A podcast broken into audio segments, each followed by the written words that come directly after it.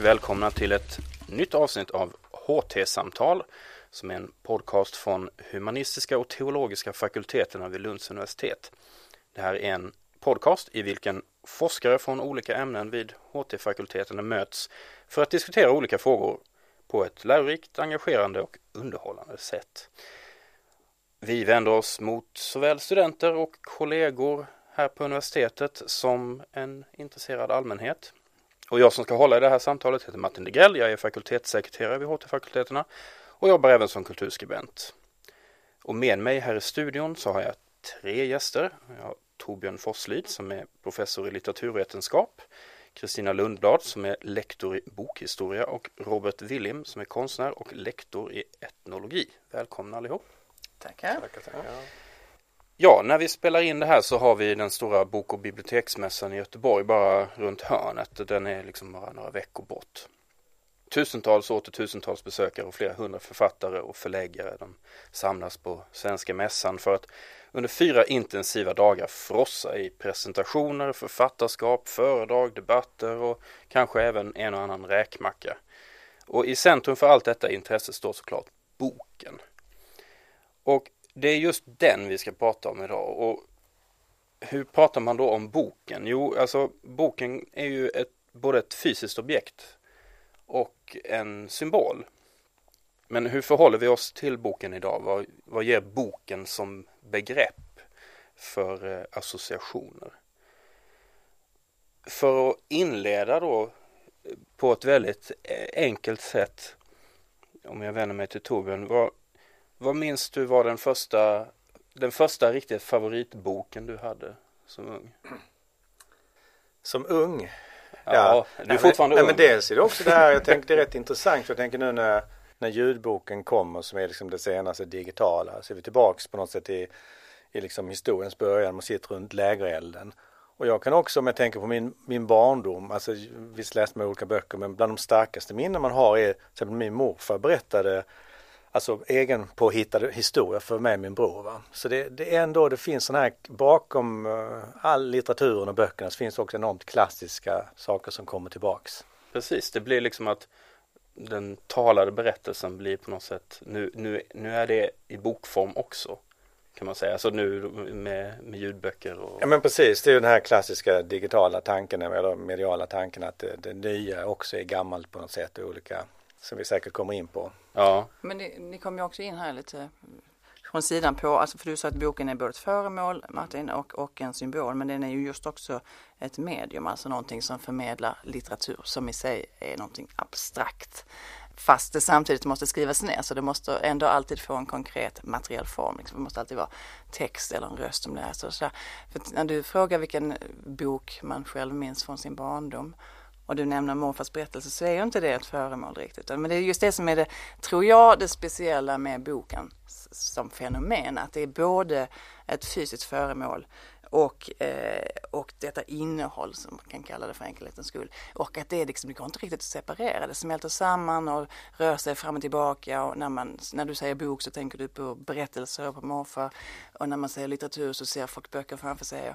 Och, men en sån sak som du nämnde bokmässan i Göteborg, det kan man ju, det är kul experiment att tänka sig att den bara skulle handla om e-böcker. Alltså skulle folk resa i tusental till Göteborg om det inte fanns en enda fysisk bok på plats utan bara eh, ja, en stor server med, med liksom hundratusentals titlar. Jag tror inte det. Boken som föremål har, har en enorm power och eh, kraft Mm. och berör oss på ett väldigt mångfacetterat och djupt sätt. Och är väldigt, det är väldigt mycket lust och glädje i den också. Jag, jag tycker det är spännande när jag tänker tillbaka nu eh, på de första böcker man läste och eh, hur lite jag egentligen minns av berättelserna men hur jag ändå minns hur de såg ut. Mm. Och det säger väl kanske någonting om, ja, både om kvaliteten på litteraturen men, men också eh, någonting om vad det är man minns från eh, de hela. Jag vet inte om det är något som gäller för er också, att man, att man minns eh, nästan hur de känns man minns hur bokryggarna såg ut och eh, man minns en del av intriger och sådär men definitivt inga Men vad var det för böcker? Vad, vad ser du Ja, det, det var ju sådana här eh, eh, typ eh, vad heter det, tre deckare och eh, Wahlström sådana här eh, och sen Vilka då Wahlström? Var det gröna? Ja, de gröna precis.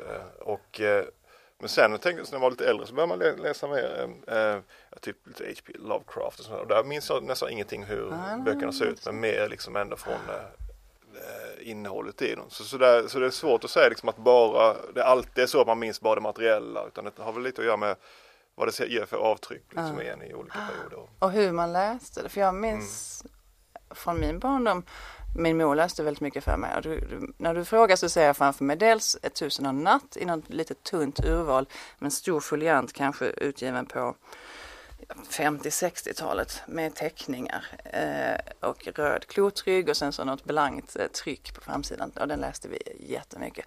Den och sen H.C. Andersson också, ett urval med två stora volymer också som jag tror att min farfars där skinnet var lite trasigt liksom upp till för vi hade dratt dem ut så mycket. Och det, det kan verkligen, det var liksom verkligen föremålen som också smälte samman när man satt sidan om sin mor som läste högt vi läste dem framlänges och baklänges. Wahlström-böckerna minns jag också för jag hade en massa Lotta-böcker, framförallt röda. Mm. Och sen, och min bror hade en massa Hitchcock, Alfred Hitchcock och Tre lösa. Och sen mm. fick jag när han hade vuxit från att köpa dem av honom. och så kunde jag liksom fylla i de där gröna strecken ni vet, längst bak. Men Kristina, du har ju skrivit en bok som heter Om betydelsen av böckers utseende. Och hur, hur tror du då att vi kanske kommer återkomma till framtiden så att säga om en liten stund. Men jag tänkte just apropå det här vi pratade om att hur, alltså, hur tror du vår upplevelse av böcker förändras eller kommer att förändras om eller när de antingen presenteras i någon sorts universal digital form, alltså en läsplatta eller, eller för den delen pocket, alltså när, när liksom de originalutgåvorna görs om till pocket och får ett annat utseende, mer uniformt. Alltså för det första så vill jag hävda och mena att, att e-boken kan ju aldrig ersätta eh, pappersboken. E-boken är utmärkt på många sätt och vis och kan en massa saker som pappersboken inte kan göra. Men pappersboken kan också göra en massa saker som e-boken inte kan göra. Det är två helt skilda modus liksom. Det är, två helt, det är som att gå och flyga eller någonting. Alltså vi slutade ju inte gå när vi började köra bilen. Och vi kommer, tror jag inte jag, sluta använda pappersböcker eh, bara för att e-boken har dykt upp. Den är ju inte jättepopulär heller. Eh, och sen kan man fråga sig vad den är. Men vi läser massa pdf-filer, oerhört mycket digital text varenda dag som vi inte kallar e-böcker. Alltså att, att man kallar den e-bok har liksom genererat en stor diskussion som ofta hamnar lite i någon slags återvändsgränd för att man hamnar hela tiden där man ska jämföra pappersboken och e-boken. Det är fullständigt meningslöst. Alltså man, kan, man kan diskutera skillnader och vad man kan göra med dem, vilka effekter de har men, men inte med utgångspunkt i att pappersboken kan ersätta e-boken för det kan den inte helt enkelt. Mm. Det är fullkomligt omöjligt. Alltså det, det är lite lustigt ändå. Jag tänker på, jag var uppe på Bonnier sa någon sån här lite höst eh, liksom start så i början på som de hade förra veckan. Så vi var uppe där och pratade med två, jag ska inte namnge då Eh, liksom äldre förläggare, alltså ändå Sveriges centrum, alltså där på Bonnier. Så bägge de var jag övertygade om att boken inte kommer försvinna. Samtidigt som all liksom, erfarenhet på det digitala området är ju liksom att i början ser man det där klassiska att man överdriver det digitalas betydelse på, på kort sikt men så underdriver man den på lång sikt. Va? Det är klart att eh, Alltså vid något läge så går skredet och det är klart att det är ingen som tror att böckerna försvinner helt och man kan ha precis som LP-skivan idag, man kan ha affärer och man har sina specialböcker. Men det är klart att vid något läge så får vi ändå ett skred där, där de flesta böcker man kommer läsa dem digitalt. Och de kanske kommer vara tillgängliga som låt säga Spotify. Hur vet idag. du det? Nej men det, det är i alla fall det är ganska sannolikt menar jag. Eh, men det, det, jag tyckte det var mest intressant var ju att, att de här förläggarna på Bonniers de, de trodde inte på den här digitala utvecklingen. Eh, medan då, jag tänker när man, när man reser utomlands och, och, och pratar med, till exempel när jag är på konferens i England, då har ju alla, alla kör med Kindle, läser allting på Kindle och sådär. Va? Så, att, så, så frågan är om vi ligger vi lite efter där. Hur har din egen konsumtion av böcker förändrats? Har den förändrats på något sätt sedan det digitala? Alltså antingen pdf, eh, e-böcker etc. Ja men absolut. Ehm, alltså dels det är klart att vi, vi och liksom våra generationer, klart att vi är uppväxta med boken och vi älskar liksom boken och, och jag står ju när jag pratar med mina studenter och säger att jag, hela mitt hus är fullt av böcker givetvis och sådär. Men, men det är ju ändå så att eh, man, man efterhand börjar man då, man får precis den här att de, de, de verkligt viktiga böckerna vill man ha liksom. Men sen vissa böcker som man läser som kanske mindre viktiga är det kanske lätt att ladda hem då nu på, sommar, på sommarlovet ska ha någon bok så laddar man hem och läser den och och exempelvis nu, nu i sommar senast så blev jag då lite inspirerad av det här med ljudbok som ju också finns på Storytel idag. Det är samma sak som Spotify, att man betalar, vad är det, 150 kronor i månaden så kan du bara lyssna på. Och det var många grannar som, som så gick omkring och lyssnade på ljudböcker och sådär. Så det är klart att man, även om vi då kanske är, liksom är bokfantaster och liksom sådär, så det är klart att det, det finns ett skred här som man bara undrar när, när kommer det skredet? Ja, och det är så många aspekter där för det digitala. Det blir så lätt man talar om det digitala som om det är någonting som måste ske på en skärm. Eh, jag tänker det digitala, den digitala tekniken har ju till exempel möjliggjort extremt billig produktion av böcker. Eh, vilket gör att det blir, eh, ja, vem som helst kan ju vara sin egen förläggare idag mer eller mindre och eh, skriva en egen bok. Och eh, du inledde här Martin med att tala om, eh, om boken och efterhand så kommer vi väl i enlighet med vanlig akademisk sed börja prata, prata om det i plural istället för att tala om böcker istället bara för att det finns så många olika sorters aspekter av böcker. Och, och det känns som nu är kanske läget att börja prata om det istället om böcker istället för boken. Liksom eh, vi talar om det digitala som är mer mångfacetterat än bara det digitala kontra det analoga. Då hamnar man lätt, jag tror den där återvändsgränden du sa innan Kristina, det, det är kanske den man hamnar i när man börjar tala för, för eh, sådär tudelat i att antingen är det digitalt analogt eller så är det en bok eller så är det en platta. Det, det kommer nog ske variation och något skred kommer väl hända framöver, en, något, något sorts medieskifte. Eh, men hur det ser ut det vet vi inte. Nej, ja, jag, jag är inte alls övertygad om att, att man ens kan tala om ett skred. Jag tror, jag, Nej, alltså, jag tror det är också det, det, är väldigt vanskligt eh, att jämföra med musik. Det gör man hela tiden. Man säger ja men kolla på mm. Spotify, kolla på, på alltså det, CD-skivan försvann och det är ingen som lyssnar på musik på det viset. Men det, det är två helt olika saker. Alltså, litteratur och musik är då jämförelseobjekten och böcker å ena sidan och skivor eller filer, ljudfiler och andra. Men, men det är ju en fundamental skillnad mellan dem eftersom musik lagras och visas så att säga, spelas upp på olika medier. Alltså man köper inte en CD-skiva eller en ljudfil för att sitta och titta på själva CD-skivan. Det är inte den man använder utan det som den genererar. Men, men när det gäller böcker, gäller böcker så är ju texten lagrad på samma medium, papperssidan, som den visas fram på. Så att där är det ett och detsamma. Det är liksom, vi konsumerar samtidigt lagringsmediet och visningsmediet, vilket vi inte gör när det gäller LP-skivor eller ljudfiler eller kassettband.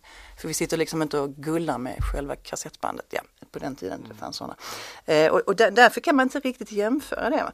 Vi har ju böcker till så mycket annat också än att bara liksom få den här litteraturen till oss. Eh, det ideala är naturligtvis att ha en text, om det är någon text man använder mycket både i, i digitalt format och, och på papper. Jag tycker att förlagen har missat lite. Alltså jag tror att de hade tjänat på att ge bort den digitala filen när de säljer en pappersbok. Och det du sa Robert är intressant också för att eh, pappersboken är ju också digital. Alltså hela pre-press-förfarandet är digitalt. Du har skrivit den nästan alltid på en dator och hela formgivningen och man printar ut eh, med laserprinting plåtarna som man sen trycker analogt från. Men eh, det, det, så att det finns ju en förändring där också. Men, det är intressant precis som när man köper jag är ju lite så här vinylfantast och när jag köper vinylskivor så får jag ofta en nedladdningskod till mm. Eh, mp3 ja, så att jag kan ändå lyssna på det Men på det datorn. Är ju perfekt. Och varför inte liksom göra samma sak med, nej, nej, det tror jag. med böcker. Det tror jag. jag menar, det, kost, det är inte så att det är extra kostnad. Jag tror. Jag ty, det, alltså man ska också, det, det är en massa andra aspekter som är intressanta, de ekonomiska, inte minst marknadsmässiga. Det är roligt, Torbjörn, du berättar med Bonniersförläggarna. Om e-boken går trögt så är det ju delvis för att förlagen själva är väldigt skeptiska, men de yes. älskar också böcker. Och det är ju rätt många, kanske ett generationsskifte på gång, men mycket äldre förläggare, de, de vill inte, de hatar e-böcker, det vågar de inte säga. För att man tror att man måste gilla e-böcker. Alltså det finns också en löjlig, tycker jag, idé om att Sverige går under som nation om inte alla omedelbart börjar läsa e-böcker. Nej, vi, vi måste inte läsa e-böcker. Det måste vi faktiskt inte om vi inte vill. Och det finns många, mycket som tyder på att folk faktiskt inte vill. Men samtidigt läser vi en massa e-text som vi inte kallar e-böcker. Så att vi, vi gör det redan liksom, men vi måste inte fortsätta. Det är ju också softwareproducenter inte minst som driver det här liksom mycket inom universitetet, massa programvaror liksom för boka lokaler och det ena med det tredje. Där det är, det är en marknad, det ska vi inte glömma heller. Vi ska liksom inte Men även, även den så att säga, klassiska boken är också en marknadsprodukt. Jo, så det, det är bland därför de inte driver e-handeln. Nej men jag bara tänker att jag som sa, jag, vi, vi, uppväxta med böcker, vi, vi gillar ju böcker liksom. Men, men, det är klart att den dagen du kan ha hela världslitteraturen i en liten iPad, det är klart det är, det är liksom då blir det väl ändå mycket mer så att man, de böcker man verkligen har fysiskt, det är de man så att säga, verkligen tycker om och att man kommer få mycket mer, ens bibliotek som ändå idag består av mer ens liksom läsning på ett sätt kanske då kommer vara mycket mer, man kan också tänka sig sådana här bibliofilupplagor av de böckerna som man verkligen, eh, så, så sådana tendenser. Sen, sen en annan sak som jag varit inne på tidigare som jag tycker också är intressant, alltså det här mer kring boken, alltså vi har helt enkelt varit inne på att boken har ett, ett värde, mycket av det värdet finns utanför boken. Och jag tänker ändå bara återknyta det där med bokmässan, alltså det är ju, det är ju en, även om vi åker dit och vi köper jättemycket böcker så är det ju inte för att köpa böcker vi åker dit, för det kan man faktiskt göra på andra sätt, bokhandeln och mm, näthandeln. Ja, Utan det är ju det här runt omkring, alltså dels författaren, alltså på något sätt träffa författaren och få, få lyssna till honom eller henne. Men också det här med läsargemenskap, att det är hundratusen läsare som mm. träffas där och det är liksom book lovers och det är väldigt trevligt. Och så, så, det där är en väldigt viktig del tror jag av, av böckernas värld och litteraturens värld. Absolut, absolut. Också om man tänker på vår värld, den akademiska, så är det ju liksom boken en viktig symbol. Så att säga, där också här, nu när vi flyttat in Lux, så är vi många som beklagar lite att det är liksom väldigt lite väggyta. Det är väldigt stora fönsterpartier, glaspartier och det finns, man ser inga böcker någonstans. Det, det är ganska tråkigt faktiskt. Mm. För precis som du säger så handlar det väldigt mycket om sociala saker men det går liksom inte att skilja riktigt för att man vill ändå mingla på bokmässan i omgiven av böcker, eller hur? Det skapar ju, och det är ju ingen liksom dålig grej som en sak kan göra, att skapa stämning, atmosfär. Det är ju oerhört viktigt för oss människor som orienterar oss fysiskt i rummet. Mm. Liksom, så att det...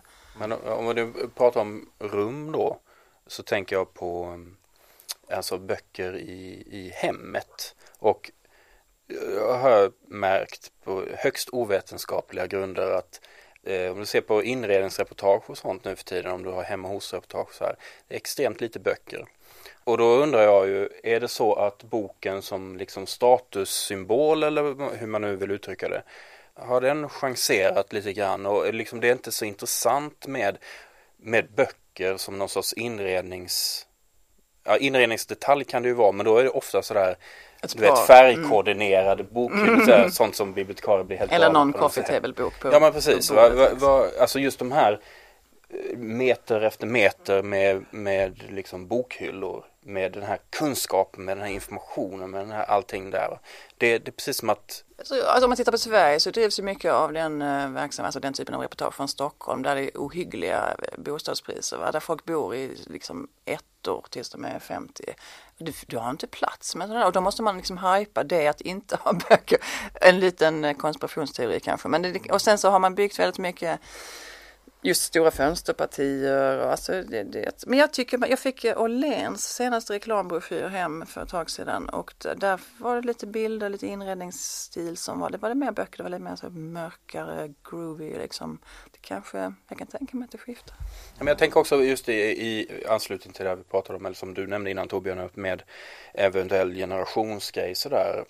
Kan man se någon form av skifte, alltså ni har studenter, vad, kan ni är det överhuvudtaget möjligt att säga någonting om deras relation till böcker?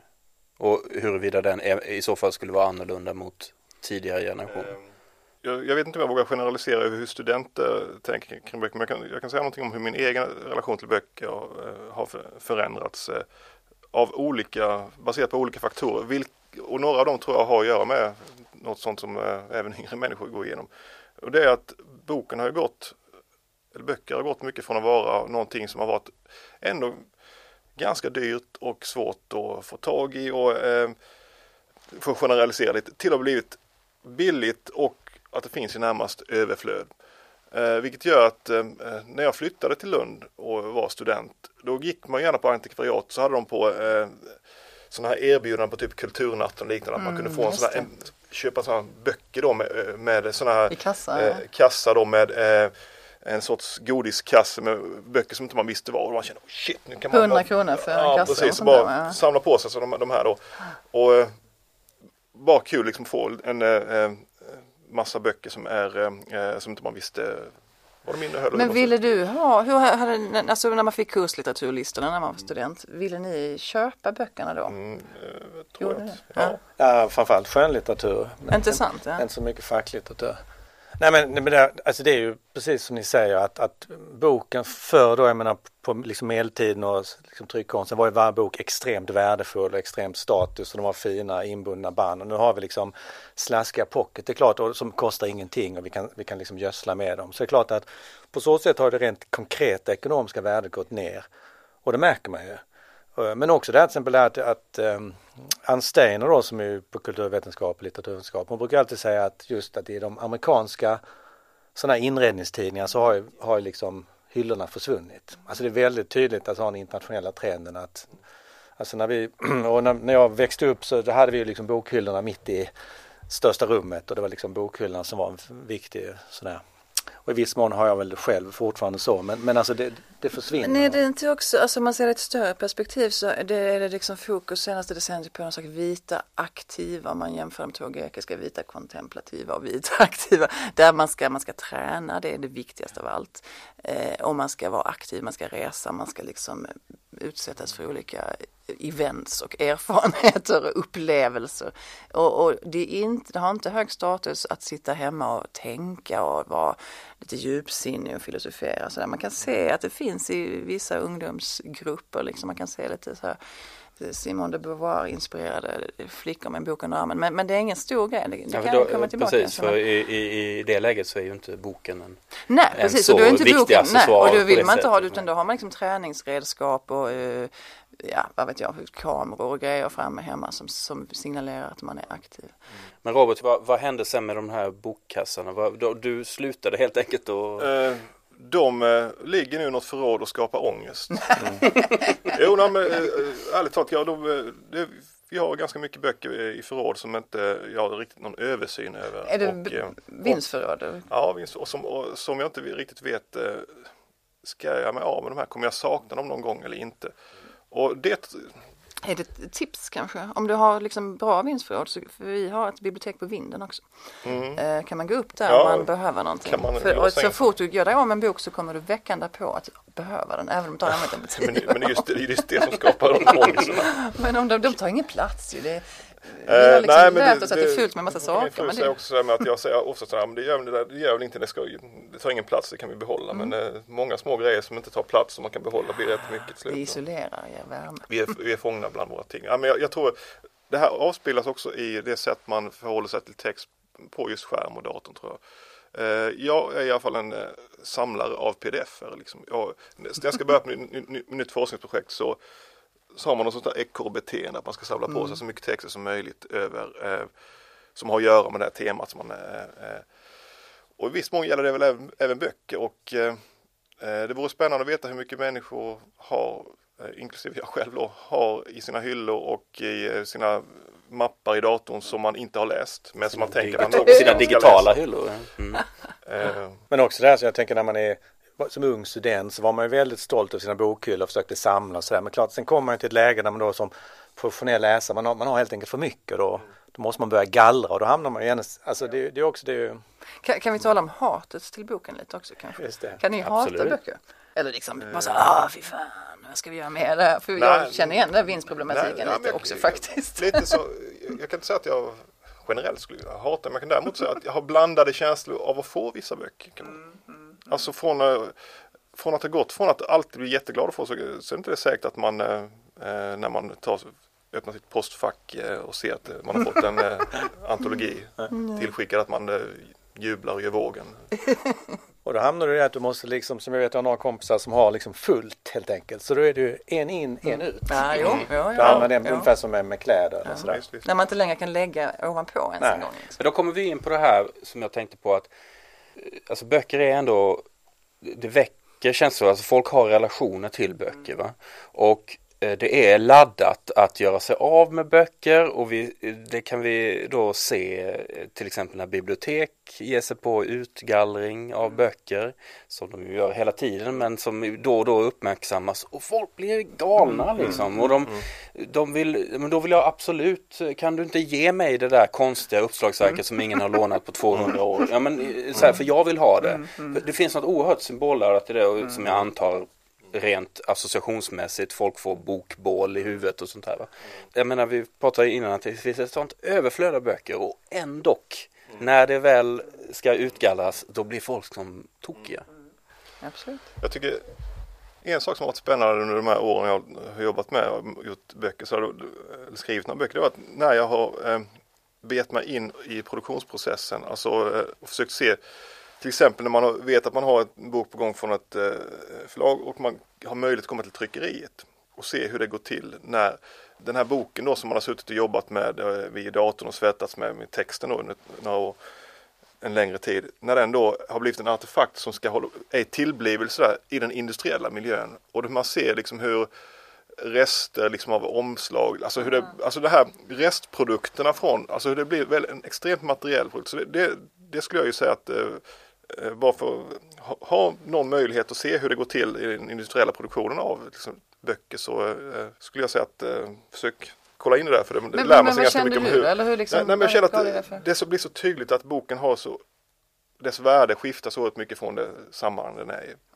Allting från att den är, är, står på en lastpall någonstans och är med bara liksom någon sorts eh, del i ett logistikkedja till slut och så ska den ut i en bokhandel och när den hamnar i en bok när den ensam hamnar i bokhyllan hos någon person så har den helt annat värde. Jämfört nu med den senaste Millenniumboken då till exempel, hur den som ligger i travar liksom överallt, i varenda affär man kommer in i nästan.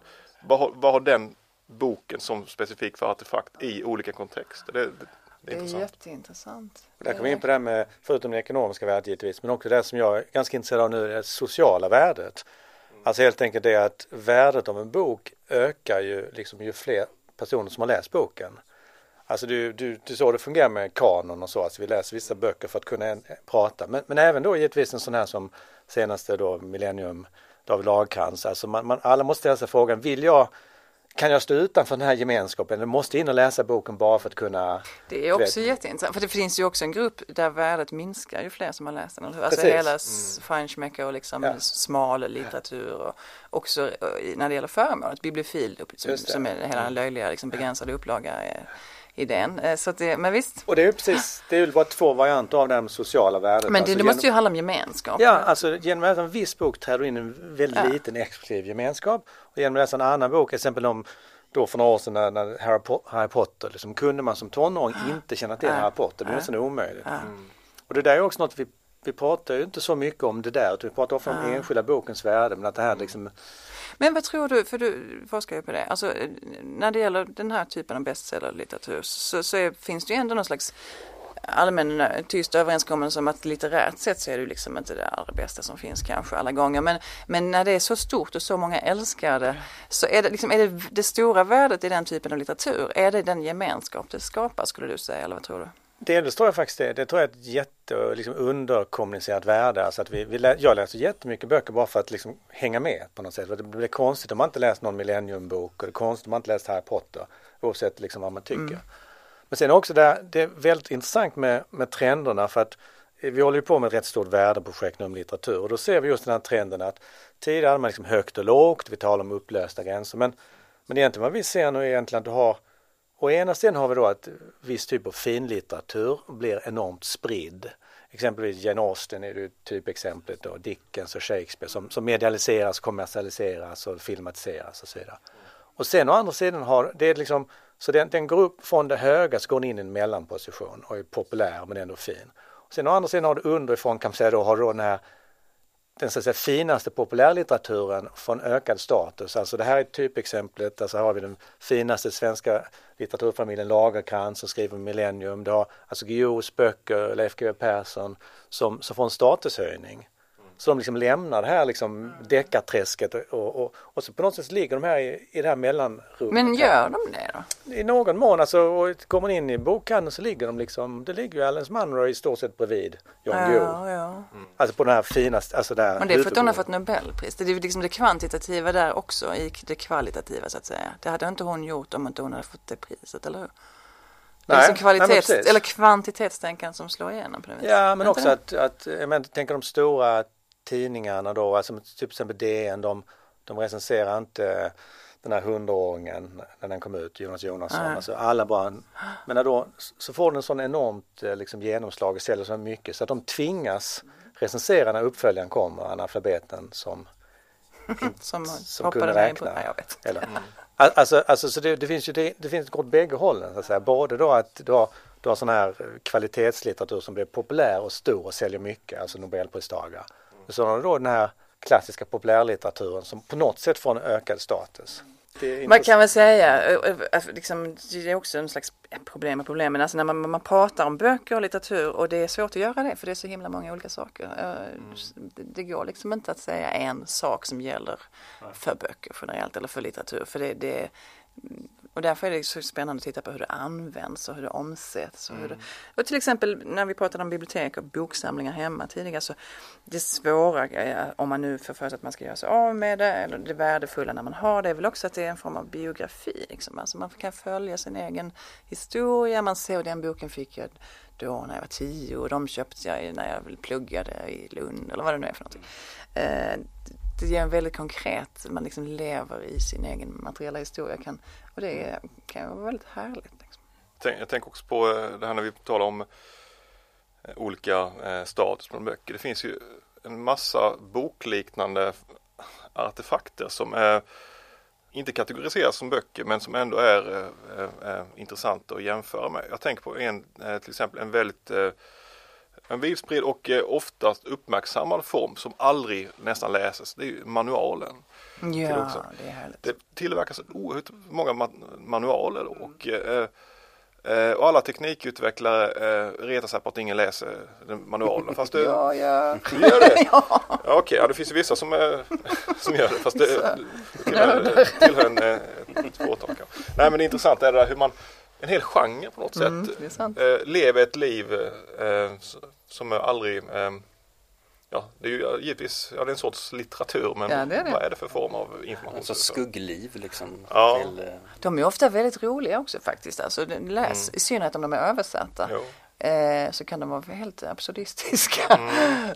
och liksom underliga. Men det tycker jag också är jätteintressant. Alltså Claes-Jan Holmberg på, på litteraturvetenskap tidigare någon gång var han inne på det projektet att Alltså typ boken IT, alltså film, alltså efter kommer filmer, stora filmer som slår igenom som inte bygger på böcker så skriver man ju böcker. Mm. Och det är, det är så otroligt låg stad, det är liksom lägre, liksom, man kan inte komma lägre på något sätt. Så det gör det ju väldigt intressant. Så det finns ju som säger jättemånga och på något sätt har vi, vi pratat lite om skönlitteratur här men Visst det är, det är klart, hänt. ta hela alltså, facklitteraturen mm. som ja. tycker jag det är mm. väldigt intressant. Den har ändå liksom fått enormt ökad status på senare år. Får man väl ändå säga. Ja, ja, ja den, den ligger ju till grund för allting skulle man kunna säga. Alltså om man tittar genom historien så är det ju ändå ja, facklitteratur, mm. det vi kallar facklitteratur. Det är också en spännande sak förresten, hur genrerna ja. växer fram och hur, varför ja. blir det genrer? Alltså en gång var det ingen skillnad, sen har man delat upp och dragit upp gränser. Och alla dessa försök till hybrider också då, om vi tar ja. annat, eh, med, inom den akademiska världen när, när man försöker få eh, en bok att bli ja, multimedial om man kan använda den termen då, där man säger, till exempel associerar den med eh, video och ljudklipp som finns på nätet. När den här symbolen kommer så eh, kan ni gå in på den här hemsidan och klicka på länken och lyssna på en ljudfil och få som illustrerar det jag precis skrivit om, vilket ingen gör då. Då var det mer effektivt när man var liten och, jag hade så här Star Wars illustrerade böcker med ljudboksackompanjemang. Det var när, när du hör R2D2 säga liksom det här så får du vända blad. Ja, liksom. just, alltså, just det. Du hör det till, då är det mer integrerat ja. Och det är väl intressant, för det har att göra med hur människors eh, läsande går till och hur, hur är det inkorporerat i det vardagliga beteendet. Ett exempel som är roligt också på, som, på en bok som faktiskt är lyckad som man kan tycka är ganska, liksom, det är en väldigt enkel, lite jönsig teknik nästan. De här fågelböckerna som har kommit med fågelljud. Mm. Mm, det är ju en fackbok och de har, tror jag, blivit väldigt, väldigt populära. Mm. Vi har en, det är ju jättebra, då kan man liksom spela upp ja. hur nattskäran låter eller hur berguven ja. låter. Det är lite kul faktiskt. Det är det, och det, och det är ju en, en omedelbarhet. Ja. Även om det finns säkert eh, ganska mycket grejer att göra med gränssnittet och designen av de böckerna. Säkert, säkert. Som, de är inga, Nej, de är jätteenkla. De är inga, de är inga lustfyllda artefakter sådär, liksom, eh, som man tar åh det här var något vackert. Mm. I alla fall när jag har sett dem så känns det mer som att man har, eh, man har byggt samman någonting på, eh, på ett men de är ganska spännande sätt. Mm.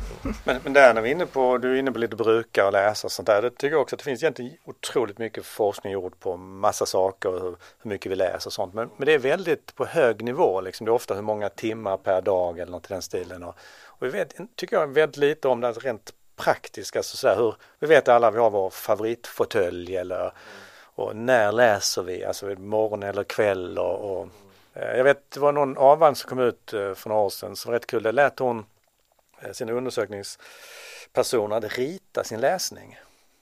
Det var, det var väldigt Ja, kul. Pamela Schultz. Ja, just det, eller? precis. Mm.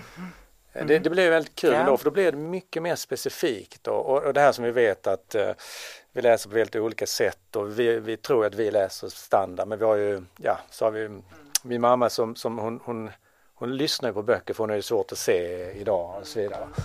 Och det är en helt annan typ av, men hon, ja, det finns ju jättemycket att göra tycker jag om bru, bruket av absolut. eh, böckerna. Och, Men det, alltså just fenomenet ljudbok är ju så här intressant. För när det är, är någon som läser, läser upp det, eh, när slutar det vara en bok? Och är, är det en ljudbok bara för att det är någon som läser upp den? För det är, eller skulle man kunna tänka sig att man eh, dramatiserar det ännu mer? Då blir det mer någon sorts eh, dramatisering eller en pjäs. Då. Och då slutar kanske vara en bok. För där har man ju ganska oproblematiskt gått över från det skrivna till eh, ljud utan att så här, Fast det, sluta har, kalla det det är ju skrivet. Det är någon som läser upp det. Alltså, Ja, men när du, när du som, om, jag, om jag tänker utifrån mottagarens eh, mm, jo, perspektiv. jo. och där är det ju en jättestor förändring. Men e-boken är ju ändå liksom väldigt likartad den tryckta boken ändå. För det är ju, men liksom här är det ju precis, och det är klart att man tänker sig att man efterhand, eh, man tänker sig inte att e-boken förändrar hur man skriver böcker och texten kanske, men, men det tänk, kan man väl tänka sig med ljudboken efterhand att vi får böcker som är liksom gjorda som för att vara ljudböcker. Så det är, ni det? Det är en ytterligare. Så tänker man, eller jag tänker mig att ljudboken ändå är som att man, man har någon som läser högt. För. Så min man brukar läsa högt för mig.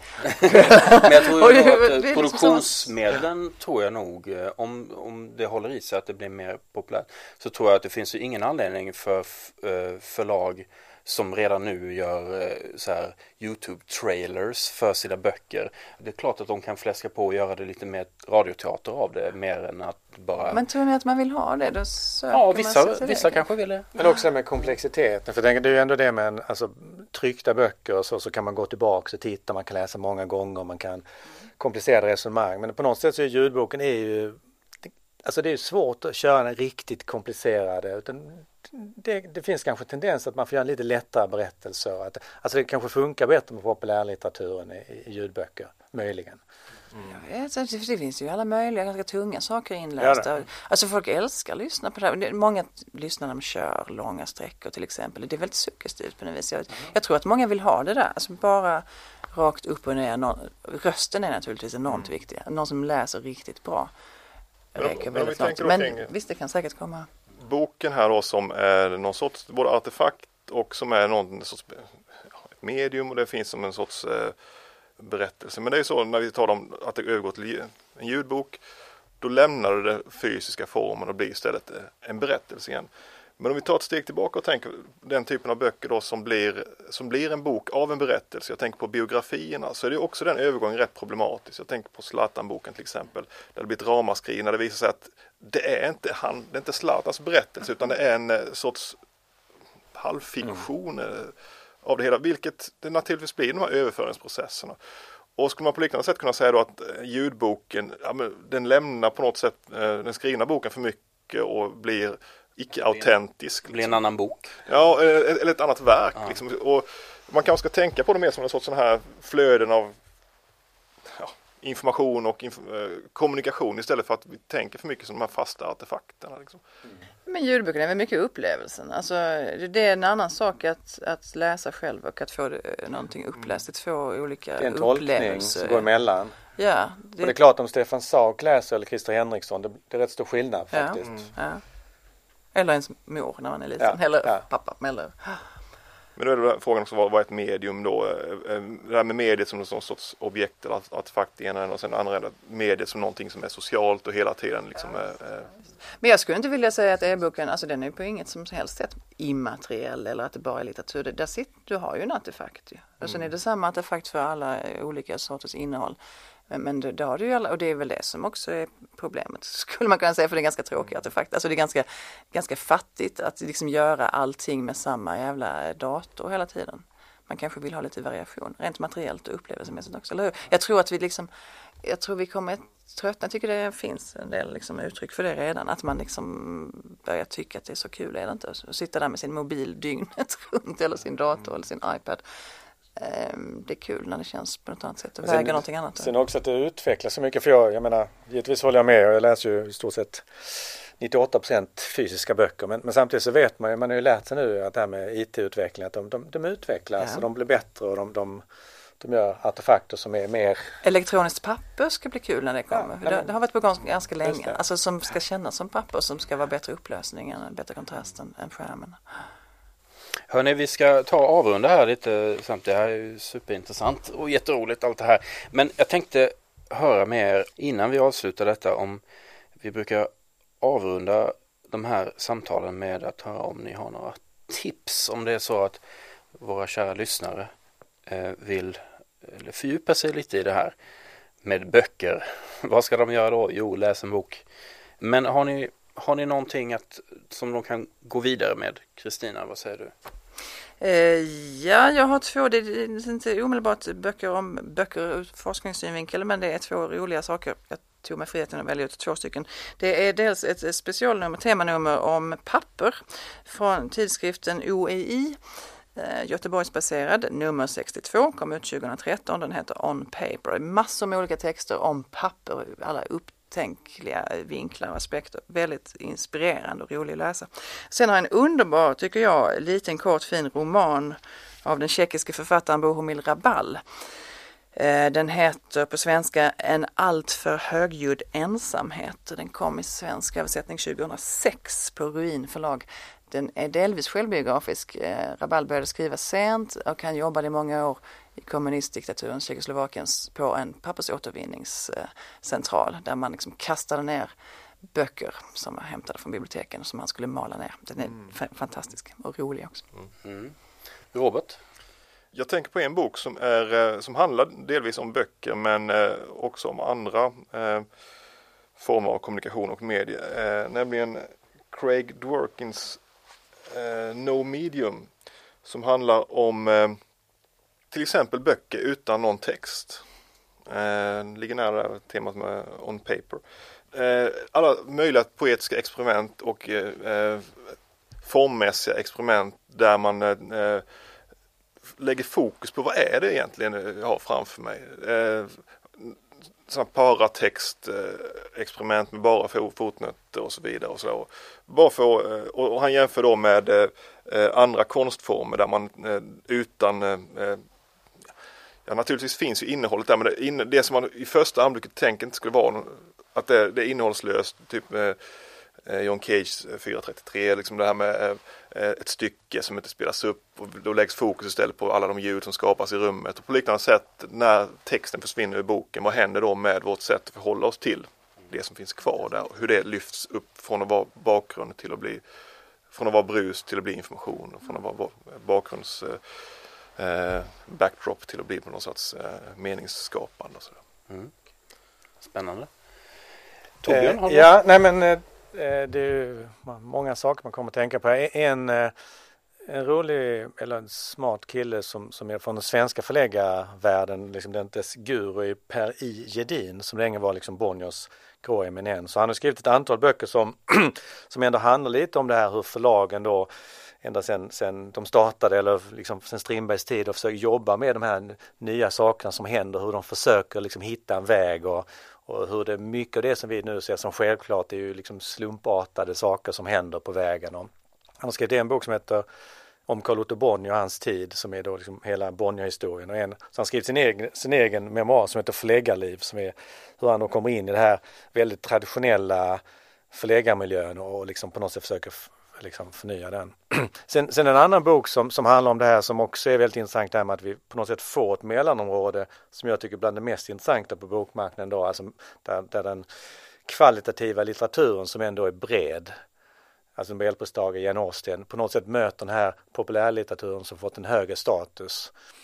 Eh, och, och då finns det en amerikansk filmvetare som heter Jim Collins som har skrivit eh, Bring on the books for everybody, how literary culture became popular culture som väldigt fint visar på det här va? Som, som är på något sätt en det är mycket därav av det här som värde och symbolskapande idag tror jag händer och där givetvis David Lagercrantz Millennium, fjärde millenniumbok är ett typexempel på det här va? hur, hur man liksom det är högt och lågt och alltid en, en stor spännande kökkenmödding.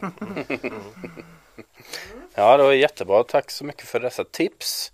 Med detta så avrundar vi detta avsnitt av HT-samtal. Och för mer information om den forskning som pågår på humanistiska och teologiska fakulteterna, bland annat av våra gäster här, så går det bra att besöka oss på webben ht.lu.se. Vi finns såklart även på Facebook, där heter vi Humaniora och teologi vid Lunds universitet och som sagt, om du gillar vad du har hört här idag så får du naturligtvis gärna sprida ordet om podcasten till vänner och bekanta. Stort tack till Torbjörn Forslid, Kristina Lundblad och Robert Willim. Vi spelar in detta i Humanistlaboratoriets larmstudio och innan ni blir oroliga så kan jag meddela att larm det står alltså för ljud, animering, rörlig bild och musik. Och det är i Luxhuset i Lund. Vi tackar Peter Roslund för teknisk expertis och assistans. Vår signaturmelodi den görs av Graham Bowl. Jag heter Martin Degrell och vi hörs snart igen.